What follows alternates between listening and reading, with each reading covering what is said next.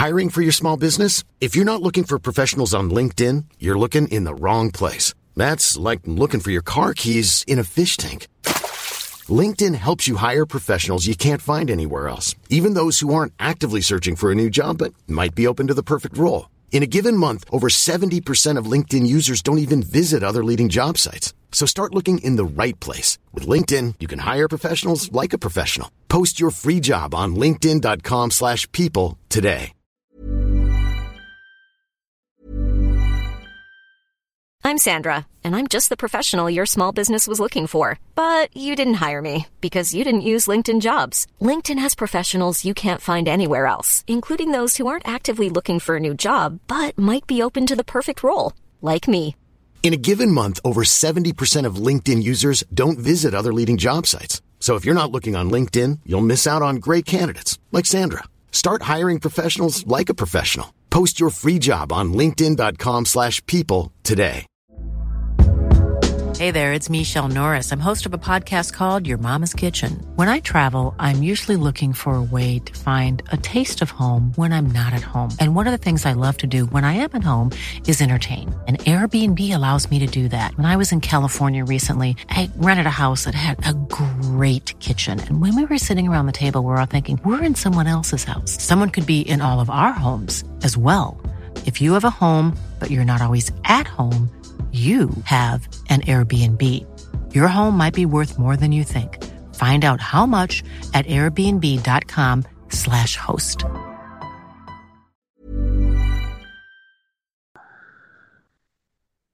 Halo pendengar GGMI Podcast, balik lagi bersama kita berdua dan pada kesempatan kali ini kita ingin ngebahas salah satu pertandingan paling akbar yang akan dilalui oleh Manchester United di mana kita akan bertandang ke Newport apa Newport Country kayaknya ya. Newport Eh, County, iya Newport benar. Country untuk ronde keempat putaran FA Cup di hari Minggu kalau gua nggak salah ya tanggal Ya, 28.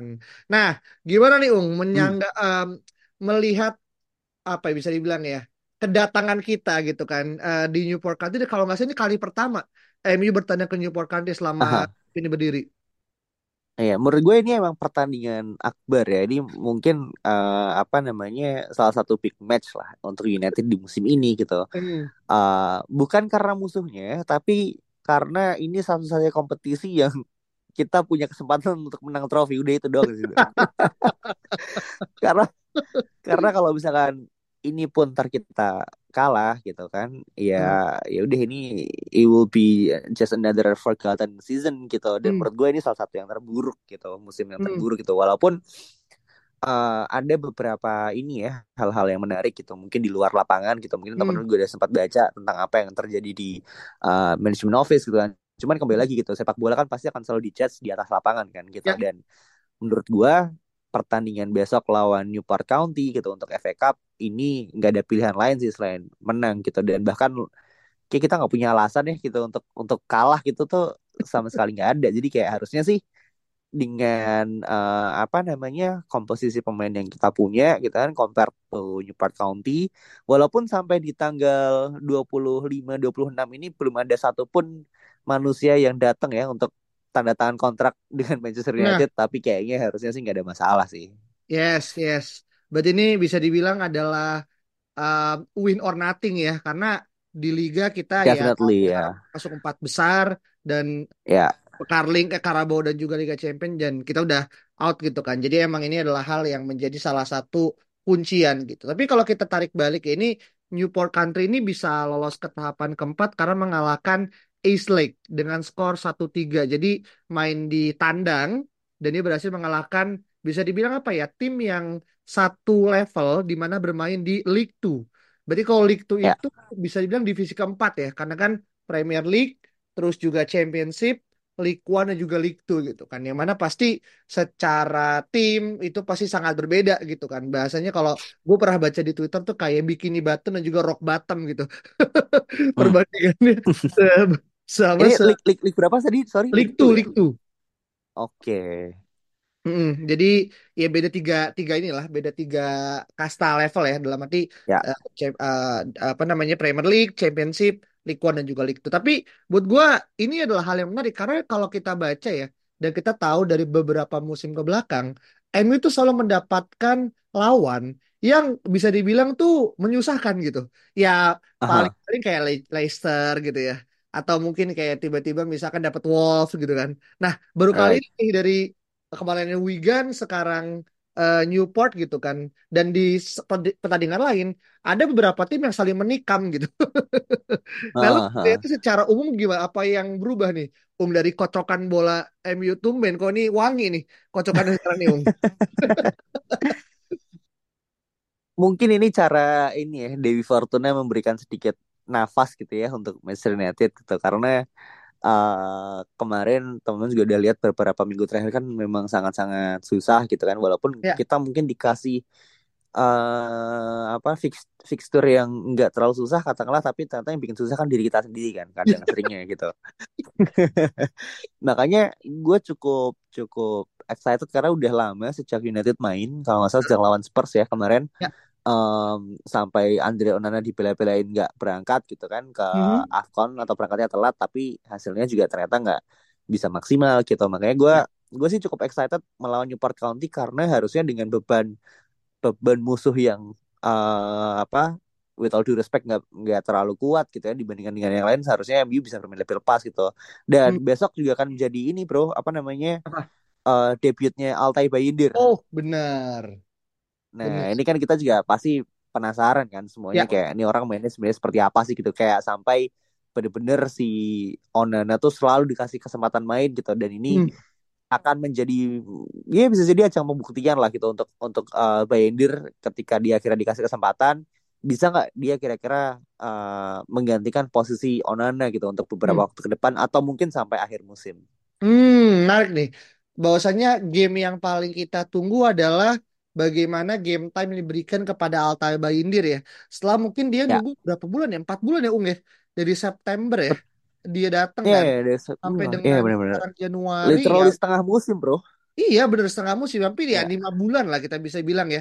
Untuk akhirnya dia mendapatkan game time pertama gitu. Dan gue yakin sih ini hari di mana dia bakalan eh, menanti-nanti ya gitu ya. Karena kan ya, kapan lagi bisa apa bisa dibilang menikung ya eh, posisi seseorang ketika emang entah itu ketika cedera atau yang bersangkutan sedang mengikuti on duty ya di negaranya ya, gitu.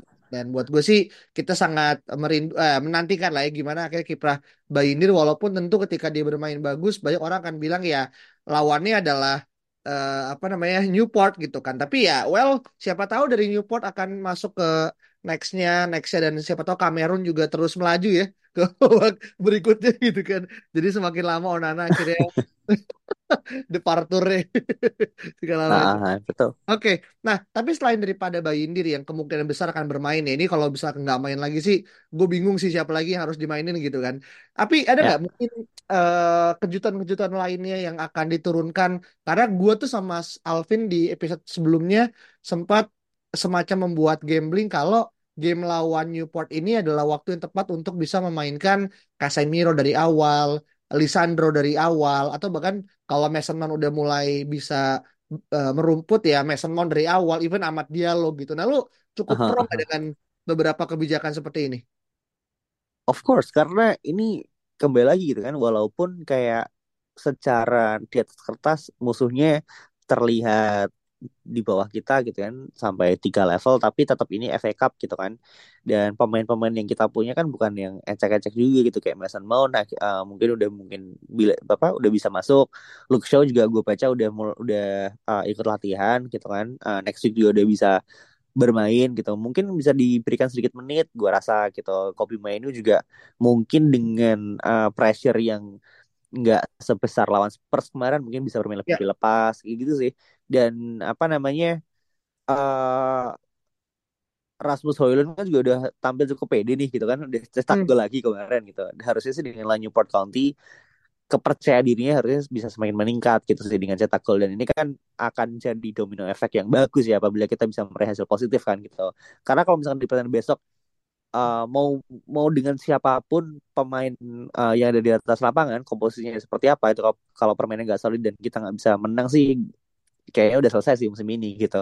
Kayak nggak ada lagi yang nggak ada lagi yang bisa diharapkan selain kayak ya udah buru-buruan cepetan kelar gitu kan. Entah itu apa namanya hasilnya seperti apa kayak ya udah beneran restart aja gitu. Hmm. karena udah nggak ada lagi men gitu. Lo mau berjuang untuk top 4 pun gua rasa musim ini akan sangat susah gitu. Apalagi kayak dengan ada Aston Villa adanya Spurs yang gua rasa uh, tampil cukup solid walaupun tanpa pemain-pemain bintangnya gitu kan dan juga uh, Arsenal Liverpool City juga masih tetap kokoh akan sangat sulit kalau misalnya United nggak bisa perform sih di FA Cup musim ini gitu. Hmm, hmm. Dan juga ya ini sedikit memberikan semacam kayak highlight kalau di pertandingan lain nih beberapa oh. akan cabut misalkan Chelsea lawan Aston Villa itu dua tim yang buat gue ya tetap menjadi pesaing berat kan di FA Cup gitu kan. Mm -hmm. Kemudian Tottenham lawan City, wah itu udah pasti itu satu udah out juga gitu kan. Kemudian uh, let's say siapa lagi ya? Fulham Newcastle buat gue juga lagi oke okay. kemudian lainnya apa paling ya well uh, Liverpool Norwich ya uh, Liverpool masuk ke hmm. ini ya uh, final ya FA kan eh sorry uh, Carabao yeah. ya kan tapi poin yeah. gue adalah at least tiga ya kan yang akhirnya uh, bisa tumbang gitu karena lu ngelihat selain dari tadi nama-nama yang lu percaya pasti akan main sebenarnya gue ada satu nama yang gue tuh ngelihat dia uh, punya chance untuk bisa dapet uh, game time lah apalagi di uh, pertandingan seperti ini itulah Dangur. Sayangnya Dangur uh, barusan kalau nggak salah dua hari yang lalu ya itu resmi pi, uh, resmi dipinjamkan.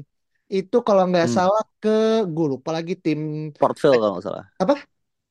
Portville. Iya Portville. Eh, itu championship hmm. sih. Uh, jadi hmm. sayang, iya maksudnya sayang karena dia nggak bisa menunjukkan tajinya tapi good karena dia bisa mendapatkan jam terbang gitu kan. Dan buat ya. gue ya win-win lah untuk saat ini gitu kan.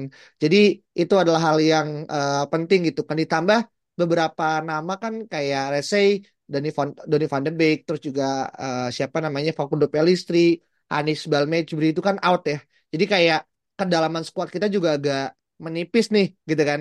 Sembari kita juga nggak datengin siapa-siapa sampai dengan per kita tanggal take ini di tanggal 25 menuju ke 26 gitu. Jadi masih sangat sepi nih uh, apa namanya bursa innya MU gitu. Karena paling terakhir gue mau nanya siapa pemain yang harus diwaspadai kayaknya juga juga kita semua kayak gak ada gak tahu lagi bro jujur. kayaknya Mungkin semua... lebih ke pemain uh. sendiri kali ya yang harus diawasin. Siapa? Ya? Kagak iya. ada sih gitu. Iya juga gue mungkin mungkin menurut menurut lo aja menurut lo kayak uh. siapa pemain yang kira-kira bakal uh, on fire gitu atau hmm. lebih uh, apa akan perform hmm. kira-kira siapa gitu di United besok gue sih masih merasa kayaknya Ten Hag akan tetap bisa kayak tetap akan memainkan Rashford dan juga Garnacho ya. itu itu itu feeling gue aja sih karena kita juga minggu lalu kan juga nggak main ya iya gak sih minggu lalu kan nggak main kita kan ya. jadi kayak benar-benar mm -hmm. kita uh, full squad lah dalam arti energi tenaga, tenaga itu buat gue fully concentrate jadi gue yakin pasti mereka berdua akan main uh, dan ketika dua ini main sih gue berharap dengan Hoylund di tengah at least minimal satu uh, semua itu dapat satu lah uh, imbang untuk bisa ya menimbulkan mood, moral boosting aja sih buat Garnacho, buat Rashford dan juga Hoylund gitu kan. Lainnya gue ngerasa pasti akan ada substitution terutama di lini belakang di mana kemungkinan Willy Kambuala akan bermain menurut gua. Oke. Okay. Didampingi mungkin dengan Johnny Evans. Baru nanti mungkin Licha akan main mungkin di babak kedua dan let's say Casemiro akan dapat game time sih. Kalau gua merasa gitu sih uh, apa yang gue bisa baca sih. Mungkin mungkin mungkin kalau kalau bisa sih ini kalau gua ya gitu ya. karena yeah. ya namanya juga udah apa namanya cuman fans layar kaca dan yeah. juga biasanya kalau di FIFA kan kalau lawan tim-tim semenjana gini kan pemain-pemain pentingnya disimpan kan gitu. Yes. Nah, masalahnya kadang second strings kita tuh memang emang beneran nggak bisa perform sih men gitu kayak yeah. kayak misalkan uh, kita mau full pemain muda gak ada ya Willy, ada Kobi Mainu, terus mungkin uh, Pelistri kalau misalnya dia belum cabut ke Granada gitu kan atau mungkin uh, siapa ya beberapa pemain akan muda lainnya. Masalahnya mereka juga belum punya chemistry yang kuat sih di atas lapangan sebenarnya gitu. Mungkin secara talent oke okay, gitu. Bisa bermain tapi apakah bisa untuk konsisten gitu ya dari menit awal sampai menit akhir gitu. Nggak nggak tahu dia mungkin cabut di menit keberapa. Cuman kayak kemampuannya untuk mengimplementasi apa yang Ten Hag mau itu yang menurut gue sih masih menjadi pertanyaan gitu sih. Jadi gue rasa United akan tetap full tim sih gitu. Entah itu um, Varane Evans atau Varane Lika atau Hoylund Ra Hoylund Rashford dan juga Garnacho tetap gue rasa sih uh, ini akan akan terjadi core-nya gitu. Dan mungkin lini tengahnya yang akan lebih berganti sih. Entah itu Scott yang starting atau adanya Kopi Mount dan juga Bruno atau mungkin uh, Casemiro langsung bermain di awal gitu tuh yang yang menurut gue akan akan lebih banyak heavy uh, rotation gitu ya changingnya mungkin di lini tengah sih menurut gue hmm, gitu. hmm. iya berarti lu ngerasa emang lini tengah bakalan jadi lini yang akan banyak ini ya mix and match ya? Uh, ya. uh, secara ini ya? Hmm menarik menarik betul betul. menarik. betul oke oke oke. Nah uh, ini kan berarti bisa dibilang pertandingan uh, terakhir ya yang akan terjadi di quote unquote ya di uh, bulan Januari gitu kan. Nah, pertanyaan gua apakah dari result ini akan membuat suatu kebijakan yang cepat untuk akhirnya mendatangkan pemain kira-kira Ung? Uh, kenapa sorry? Kira-kira dari hasilnya ini nih besok nih, apakah bisa menjadi salah satu trigger untuk MU mendatangkan pemain di uh, bursa transfer musim dingin ini Ung? Kira-kira Ung dari hasil ini? Kalau gua rasa sih kayaknya harapan kita untuk mendatangkan pemain di bursa transfer Januari ini hampir susah ya gitu. Kecuali hmm. mungkin di deadline day tiba-tiba ada siapa gitu. Karena uh, Ineos tuh datang bener-bener dia secara struktur itu dia benerin sih gitu. Jadi gua rasa mereka baru fokus untuk mengerjakan yang di atas gitu ya. -hmm. Secara manajemen struktural baru mungkin uh, di bursa musim panas along the way dia baru akan turun ke pemain gitu sih makanya sekarang hmm. mereka lebih fokus untuk ngelepas pemain-pemain muda gitu ya yang memang mereka rasa kayak emang perlu uh, menit bermain gitu kan terus mungkin bisnis ke depannya misalkan dikasih uh, klausul apa namanya uh, buyback kayak Alvaro Fernandez katakanlah gitu itu yang itu yang akan mereka coba lakukan gitu karena gue sempat baca juga uh, para pemain United ini dikasih satu sampai maksimal dua musim kalau memang mereka nggak bisa perform akan langsung dijual kan gitu. Hmm. Makanya ini yang gue rasa ingin dilihat oleh uh, Jim Ratcliffe sih gitu. Kayak misalkan, hmm. yaudah gue pertahanin nih satu squad ini, kita lihat sampai akhir musim kira-kira siapa yang bakal perform dan siapa yang enggak gitu. Jadi memang benar semua dikasih fair fair and square lah chance-nya gitu. Sampai nantinya ya di akhir musim akan terjadi gua rasa ya mungkin akan terjadi exodus cukup masif sih. Hmm, I see, I see. Oke, kita akan menunggu teman-teman bagaimana akhir nanti hasil dari pertandingan MU melawan Newport. Dan by the way, per kita tag gue mau ngasih sebuah informasi besar, uh, mungkin gak berhubungan dengan MU, tapi Indonesia dipastikan lolos ke tahapan 16 besar Piala Asia karena pertandingan antara Republik Kyrgyzstan melawan Oman berhasil imbang satu-satu di mana akhirnya Respect, ketemu sama Australia di babak 16 besar untuk pertama kali sejarah. So ini pas banget ya gue kita lagi tag dan gue juga lagi nonton jadi kayak bener-bener dekat gitu. Kita akhirnya berhasil gokil, gokil. pertama kali dan... Lawan siapa belum ketahuan ya tadi ya? Kenapa? Lawan siapa belum ketahuan ya? Lawan Australia. Lawan Australia. Lawan Australia ini adalah bisa dibilang sejarah dan apa namanya gue sempat kira ini kan last dance ya. Uh, dan pertandingan pertandingan ya. itu pertandingan last dance karena udah nggak ada lagi selain ini gitu ya uh, Indonesia akan gugur dan kopernya harus ditahan dulu karena kita akan melaju ke babak 16 besar sebagai peringkat tiga terbaik di uh, apa dari enam enam tim ya empat peringkat tiga terbaik segala macam gitu kan. Dan ternyata ada nama Temi Abraham ternyata cuy Gue baru tahu juga nih. Bermain nih ternyata nih di Piala Asia. Temi Temi Abraham bu, bukannya di Inggris pak? Atau dia ganti ganti paspor tuh? Betul, betul, betul, Oh iya ya, apa gue salah ya? Pak ada yang bilang Temi Abraham ya?